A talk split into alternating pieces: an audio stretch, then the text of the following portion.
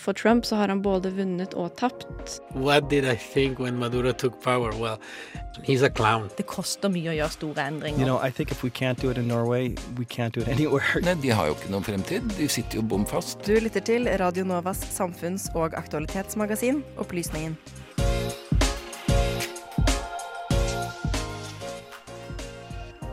Etter syv år med forhandlinger er EU og Kina klare med en handelsavtale.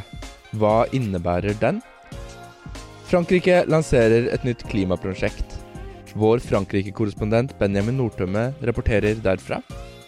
Og Storbritannia har gjort endringer i blodgivningsreglene og tillater homofile å gi blod. Bør Norge følge etter?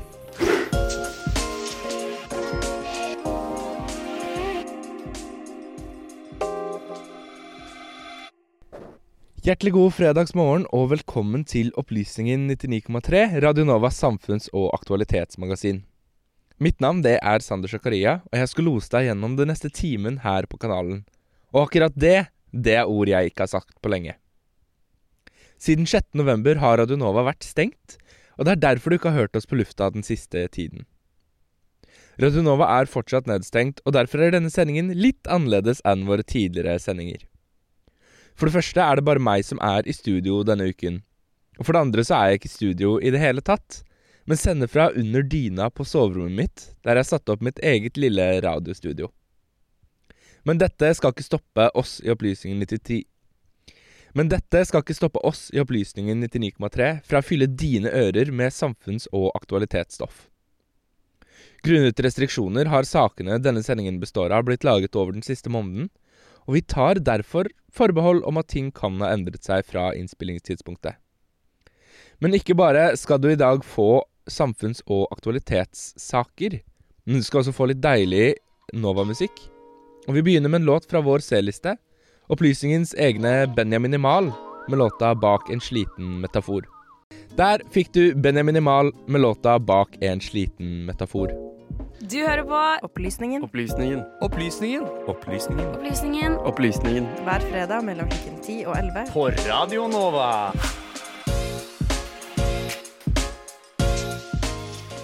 Etter syv års forhandlinger står EU og Kina klare med en ny handelsavtale. Dette ser positivt ut, men mange peker på at EU er for veike når det kommer til menneskerettigheter i denne nye avtalen. Vår reporter Dagny Marie Sand Hårberg tok en titt på hva avtalen innebærer. For ikke lenge siden ble investeringsavtalen mellom EU og Kina, EU-China Comprehensive Agreement on Investment, CAI, ferdig. Og med det avsluttes syv nærmere åtte år med forhandlinger. I løpet av de siste 20 årene har direkte utenlandsinvesteringer fra EU til Kina ligget på over 140 milliarder euro. Investeringsnivået fra Kina til EU har i samme periode ligget på nesten 120 milliarder. Størrelsen og potensialet i den kinesiske økonomien tatt i betraktning, er det europeiske investeringsnivået ganske beskjedent. Det er flere årsaker til skjevheten i investeringsnivået. Det europeiske markedet er generelt åpent, mens den kinesiske økonomien er under streng statlig kontroll. Det betyr at EU rett og slett har begrenset tilgang til det kinesiske markedet. Markedet deres er svært lite transparent. Det er bl.a. vanskelig å vite hvilke subsidier og hva slags tilrettelegging det kinesiske kommunistpartiet egentlig gir egne bedrifter. I tillegg har det kinesiske markedet ordninger som tvungen teknologioverføring, dvs. Si at utenlandske bedrifter må dele teknologien sin med kinesiske selskaper dersom de ønsker tilgang på det kinesiske markedet. Dette er ifølge EU-kommisjonen de viktigste elementene i CAI-avtalen. Avtalen forplikter Kina til å åpne nye deler av det kinesiske markedet for europeiske selskaper. Det vil si at det blir mulig for europeiske selskaper å investere i kinesisk bilindustri og produksjon, telekommunikasjon og lagringstjenester og mange andre sektorer. For det andre skal avtalen sikre såkalt level playing field. Det handler om å sikre likere behandling av europeiske investorer sammenlignet med kinesiske. Dette gjør de gjennom økt kontroll av kinesiske statlig eide selskaper, innsyn i kinesiske subsidier og innføring av regler mot tvungen teknologioverføring. Avtalen inneholder også visse subsidier og forpliktelser innenfor bærekraft, bl.a. i henhold til implementering av Parisavtalen. I tillegg så inneholder avtalen en mellomstatlig tvisteløsningsmekanisme og en overvåkningsmekanisme for å sikre overholdelse av avtalen. I tillegg til investeringsmulighetene avtalen gir EU-land, vil den også påvirke markedstilgangen til land utenfor EU. Flere av vilkårene i avtalen er nemlig skrevet på en Most Favored Nation, eller MFN-basis. Det betyr at disse spesifikke lettelsene også gjelder alle andre land utenfor avtalen som er medlem av Verdens handelsorganisasjon.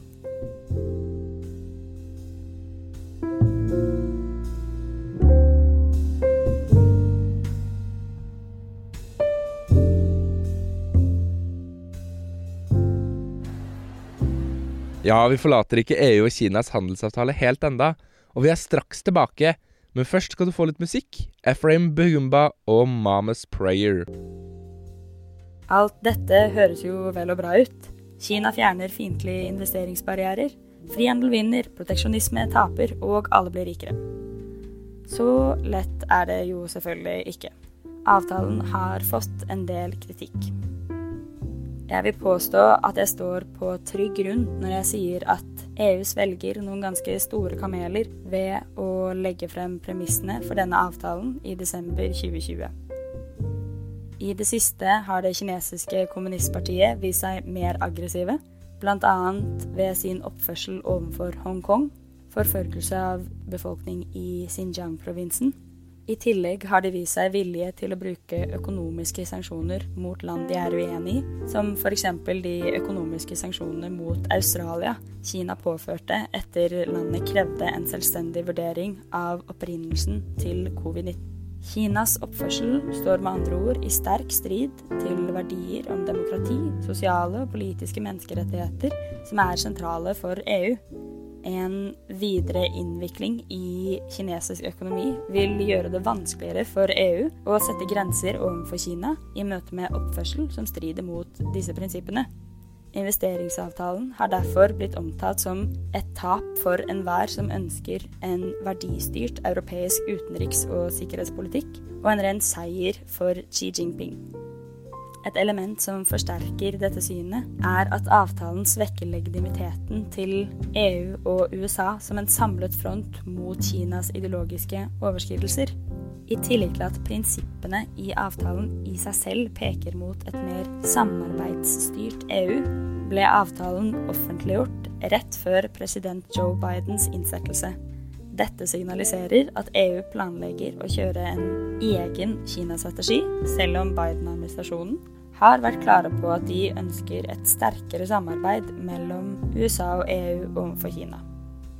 Tyskland har blitt spesielt nevnt i forbindelse med kritikk av denne avtalen.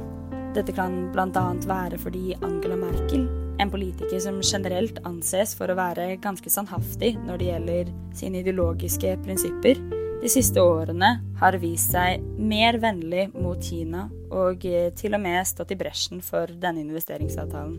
Noe av grunnen til kritikken er at Tyskland tilsynelatende har gitt privat sektor stor innflytelse på landets utenrikspolitikk overfor Kina. Flere tyske gigantselskaper har allerede vist at Kina ville stukket av med seieren dersom selskapene måtte velge mellom de to stormaktene Kina og USA. F.eks. har flere tyske bilgiganter allerede investert store summer i kinesisk fornybar bilindustri, og dermed allerede gjort seg avhengig av det kinesiske markedet. Dette på tross av bekymringer knyttet til kommunistpartiets grep om økonomien. Dette tyder på at f.eks. tilgangen til kinesisk bilindustri kan prioriteres over motstandsdyktighet overfor kinesisk politisk press. Skarpere kritikere av investeringsavtalen anser innflytelsen fra disse selskapene som et suverenitetsproblem. Kritikere som støtter dette perspektivet, vil altså si at der det europeiske flertallet f.eks. vil anse en reell forpliktelse overfor befolkningen i Xinjiang som et premiss for i det hele tatt å inngå forhandlinger med Kina, gjør innflytelsen fra større europeiske selskaper at europeiske myndigheter bukker for det økonomiske presset tidligere enn det de ville gjort i en situasjon der suvereniteten til statsapparatet overfor utenrikspolitikken sto stødigere. Angela Merkel på sin side, som lenge har stått i bresjen for CAI, har i hvert fall både med hensyn til økonomiske interesser og USAs tilregnelighet konkludert med at Berlin ikke har råd til å komme på feil side av Beijing. Det økonomiske hensynet er mer kritisk enn noen gang med tanke på pandemien Kina har klart å reise egen økonomi ekstremt raskt, alt tatt i betraktning, og omverdenen har mindre spillerom enn før. Med hensyn til kritikken mot EUs motstandsdyktighet overfor Kina, hevder Merkel på sin side at EU heller burde opptre som en megler mellom USA og Kina og deres eskalerende konfrontasjoner. Noe som hun anser som fortsatt mulig, selv om EU skulle gå inn i denne forpliktende avtalen med Kina. Før jeg runder av, skal jeg prøve meg på en liten oppsummering. De økonomiske vinningene EU kan oppnå av The EU-China Comprehensive Agreement on Investment, er store. Og viktigheten av det kinesiske markedet kan bli kritisk i møte med en europeisk gjenoppbygging etter pandemien. Likevel fortjener avtalen en del kritikk for hvor lite press EU har lagt på det kinesiske kommunistpartiet med hensyn til demokratiske og menneskerettslige forpliktelser. CAI er kun en investeringsavtale, ikke en fullblås handelsavtale. Likevel vil den gi Kina tilgang til f.eks. europeisk infrastruktur, en periode der Kina har vist seg ekstremt villig til å bruke sin økonomiske posisjon overfor andre stater som pressmiddel i møte med mellomstatlige politiske uenigheter. De ferdigstilte premissene for avtalen ble utgitt på et tidspunkt der mye annet krevde plass i mediebildet, f.eks. innsettelsen av Joe Biden. Kanskje dette overdøvet de reelle konsekvensene av annonseringen. The EU-China Comprehensive Agreement on Investment er tross alt den mest ambisiøse avtalen Kina noensinne har inngått med en tredjepart. Dealen er ikke ratifisert enda. Den må fortsatt godkjennes av EUs medlemsparlamenter før den trer i kraft. Så selv om avtalen allerede har gitt en ganske sterk signaleffekt, kan hensyn til kinesiske arbeideres rettigheter eller andre menneskerettslige og demokratiske forpliktelser fortsatt dukke opp i denne delen av prosessen. Muligheten for å skrape avtalen derimot er nok liten. For om lag 15 år siden kunne man kanskje se for seg at USA kunne satt ned foten og stanset avtalen. De siste årene derimot, særlig etter Trumps presidentskap, har EU-USA-relasjonen blitt sterkt svekket. En slik løsning er derfor vanskelig å se for seg.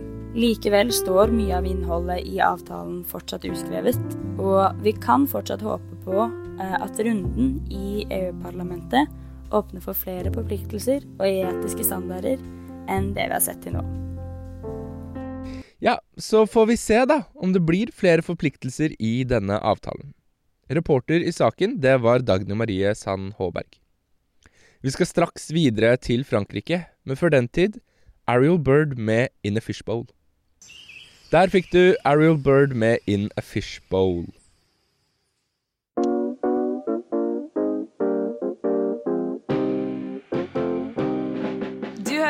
Radio Novas samfunns- og aktualitetsmagasin Opplysningen. Hver fredag fra klokken 10 til 11 på Radio Nova. Opplysningen på Radio Nova.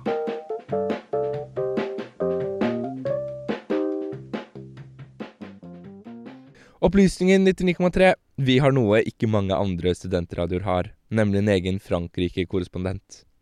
Og fremover vil vår reporter Benjamin Nordtømme fortelle oss litt om hva som skjer i hjertet av Europa. Og denne uken handler det om nye klimalover. For Frankrike har forberedt en rekke nye og relativt strenge klimatiltak for å senke utslippene av klimagasser. Men er det for lite for sent? En spisset, ambisiøs klimalov, eller for lite for sent? Debatten herjer om nye klimatiltak i hjertet av Europa. Frankrikes nasjonalforsamling skal denne måneden dra i land et prosjekt med store ringvirkninger for hverdagen til landets 67 millioner innbyggere. Det snakkes om emballasjefrie matbutikker, totalt forbud mot reklame for fossile energikilder, og full stans for alle kortdistanseflyvninger der det finnes et alternativ med tog. Men noe er galt, mener flere på politikkens grønne fløy. Her møtes vi også av samtlige miljøvernorganisasjoner. Og det er kanskje ikke så rart, når innen 2030 skal det samlede totale klimagassutslippet reduseres med 40% sammenlignet med 1990. Det er nettopp dette som er Parisavtalen. På ni år skal Frankrike, Norge, alle våre naboland, rett og slett 176 av alle verdens stater, redusere sitt totale klimagassutslipp. Går tiltakene virkelig langt nok? Og er de effektive? Jeg inviterte en ekspert inn til mitt kjøkken for å diskutere dette over en kopp te. Ivar Germiso Arnesen er sentralstyremedlem i Le Jeune Ecologiste, en slags Frankrikes grønn ungdom. Det franske demokratiet har noen problemer med at man ikke klarer å få den representasjonen. Man klarer ikke å få det folket ønsker seg, til å bli vedtatt politikk. På grunn av at den, at den franske politikerklassen klarer ikke å representere det vanlige folk ønsker.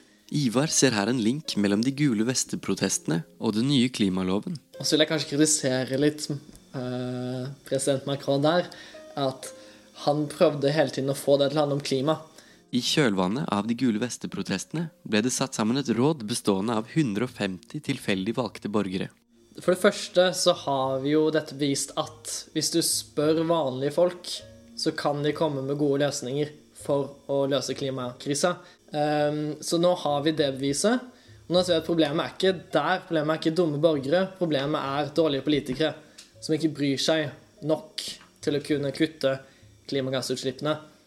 Det starter altså veldig lovende, men så Så går Macron ut uh, og sier uh, vi skal få gjennom 146 av de 149. Hadde han fulgt opp på det han sa 29.6.2020, uh, så hadde det jo vært bra. Da hadde han jo mer eller mindre gjort det han lovte, uh, og fulgt opp denne konvensjonen Citoyen på klima. Problemet er at fra juni i fjor fram til nå, hvor de presenterer selve lovforslaget, så har eh, industrien og arbeidsgiverforeningene organisert seg. De skjønte kanskje ikke helt eh, når dette starta, hvor ambisiøse disse forslagene faktisk kommer til å være, og hvor skadelig det kan være for deres bedrifter. De bedriftene som forurenser mye, kommer også til å tape mye på disse forslagene. Forhandlingene går sin gang, men rundt bordet sitter stadig færre og færre igjen fra den originale gruppen. De var jo også invitert på disse møtene senere, og de fortalte jo om hvordan det kunne være to representanter fra denne, dette borgerutvalget, og så 20 representanter fra forskjellige bedrifter som fortalte om hvor dårlig forslagene deres var. Og dette gjorde at mange trakk seg. Mange miljøforeninger som hadde vært med på dette, dette arbeidet, trakk seg det hele ble jo svært svekket. Så problemet er jo kanskje at man prøvde Macron lovet at nå skulle vi lytte til befolkningen. Og så kom kanskje litt den politiske realiteten der han fortsatt ville være inne med industrien. Som trolig gjorde at de fjerna alle de kontroversielle forslagene og har kutta veldig ned på de forslagene de faktisk presenterer. Det største paradokset er nok at den franske regjeringen selv har bestilt en undersøkelse for å komme til bunns i dette. Og undersøkerne fra Boston Consulting Group estimerer nå at Macrons tiltak bare når frem ca. halvveis på veien mot reduksjonsmålet. Ja, hva så med den andre halvparten, undrer derfor miljøbevegelsen. Hvis denne klimaloven ender opp med å ikke være spesielt effektiv eller populær, vil den være forgjeves? Ser du på det som en, en, likevel en positiv effekt? Altså i, i kraft av at du er uh, en del av fransk miljøbevegelse? Ja. Um, hva blir løsningen? Jeg vil si at all utvikling er en god utvikling. Så disse forslagene, selv om de er veldig vanna ned, så kan det kutte noen prosent. Så det er jeg glad for. Um, men det som åpenbart trengs videre, er jo at man legger press på politikerne. La oss ta to skritt tilbake. Det gjenstår altså ni år før den første omgangen med reduksjoner skal være over. Debatten i Frankrike ser ut til å illustrere en ganske velkjent problematikk. Men i det store bildet kan dette være en av de første av en rekke store, ambisiøse klimaplaner som vedtas av europeiske land. Det forventes at også EU vil legge større press på sine medlemsland når det gjelder klima. Politikere, på alle sider av politikken, føler kanskje allerede noe av denne varmen. Tanken er god, men spillet er ikke risikofritt. Er det virkelig best med én plan for å redde klimaet? Føler politikere seg nå tvunget til å lansere store planer med masse tiltak de ikke kan overholde? Det er iallfall ikke helt lett å bli klok på dette. Enten du er en ganske vanlig borger eller over gjennomsnittlig klimainteressert, så er det kanskje ikke helt dumt å smøre seg med litt tålmodighet og sunn skepsis. Det blir nok ikke så veldig lenge til neste gang vi snakker om klimatiltak. Det var altså vår egne Frankrike-korrespondent Benjamin Nordtømme som rapporterte om den nye klimaloven i Frankrike. Straks videre til blodgivning, men før den tid Anine Vårdal med 'Kjipe søndag'. Der fikk du Anine Vårdal med 'Kjipe søndag'.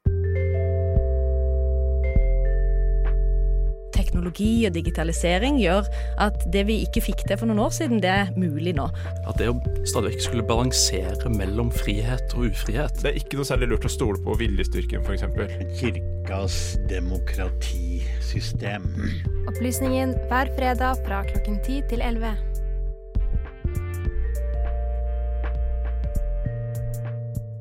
Serien It's a Sin traff den britiske streamingplattformen All4 i starten av januar, og klatret fort opp til å bli plattformens mest sette serie. Serien handler om aids- og hiv-krisen i Storbritannia på 80-tallet, og tro det eller ei, men det har en relevans for neste sak. Grunnet faren for nettopp hiv og aids kan ikke homofile gi blod ved norske blodbanker. Og det samme gjaldt for Storbritannia inntil nå nylig. Men en endring har skjedd, og homofile får nå gi blod i landet. Følger Norge etter? Storbritannia har lenge hatt en streng linje når det kommer til bloddonasjon for menn som har sex med menn. Menn som har sex med menn i Storbritannia har siden aids-epidemien på 80-tallet ikke kunnet gitt blod. Men nå endrer Storbritannia reglene for bloddonasjon for menn som har sex med menn, til tre måneders karantenetid tid for blodgivning. I tillegg åpnes Storbritannia opp for at homofile i monogame forhold kan også gi blod på lik linje med heterofile monogame. Men dette leder oss til ett spørsmål. Hva er reglene for menn som har sex med menn når det kommer til blodgivning i Norge? Her i Norge har vi tolv måneders karantenetid ved bytte av seksualpartner for menn som har sex med menn. Og menn som har sex med menn i langvarige monogame forhold, får fortsatt ikke gi blod. Heterofile par i Norge har en seks måneders lang karantenetid ved bytte av seksualpartner. Og er du i et langvarig monogamt heterofilt forhold, kan du gi blod. Fram til 2017 kunne ikke menn som har sex med menn donere blod i det hele tatt. Men det året ble det en oppmyking av loven, og siden har debatten blusset opp med jevne mellomrom. Og enkelte mener karantenetiden mellom heterofile og menn som har sex med menn, bør være like lang. Enkelte har til og med tatt til orde for at menn som har sex med menn, og er i et monogamt forhold, bør få lov til å gi blod. Men per nå ser det ikke ut som at Norge følger etter Storbritannia i oppmykningen av de strenge reglene for bloddonasjon, og holder seg til den tolv måneders karantenetiden for menn som har sex med menn. Grunnen til de strenge, strenge reglene er ifølge FHI at dagens regler er basert på råd fra Folkehelseinstituttet og retningslinjer fra Europarådet.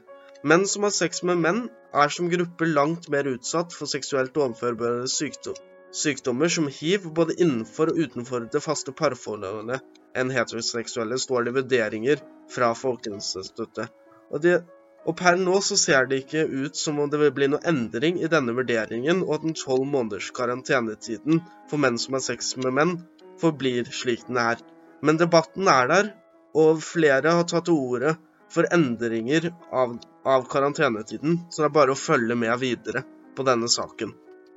Det var vår reporter Trym Fjellheim Karlsen som dekket Storbritannias nye lovverk for blodoverføring. Nå litt musikk. Waze og låta heter Sometimes. Og med det når opplysningens tilmålte tid på eteren slutten. Medvirkende til denne ukens sending har vært Sebastian Hagel, Benjamin Nordtømme, Dagny Marie Sand Håberg og Trym Fjellheim Karlsen. Fra under dyna i mitt provosoriske radiostudio har du hørt meg, Sander Zakaria. Følg gjerne Opplysningen 99,3 på både Facebook og Instagram. Og vil du høre flere podkaster fra Opplysningen, finner du oss der du ellers hører podkaster, med over 500 episoder og enkeltsaker å dykke ned i. Snakker om å høre, hør gjerne på studentnyhetene som kommer etter oss. Og med det, kjære lytter, gjenstår det bare for meg å takke deg for at du har hørt på programmet, både i dag og for din tålmodige venting gjennom de siste månedene. Vi regner med å være tilbake på lufta innen tre uker, men grunnet den globale pandemien er det vanskelig å si. Følg derfor med på våre sosiale medier for å få med deg siste nytt. Ta vare på hverandre og følg restriksjonene, så får vi snart komme tilbake til studio og til et vanlig samfunn. Vi avslutter med Madala Lamas og låta 'Money', That's All That I Want.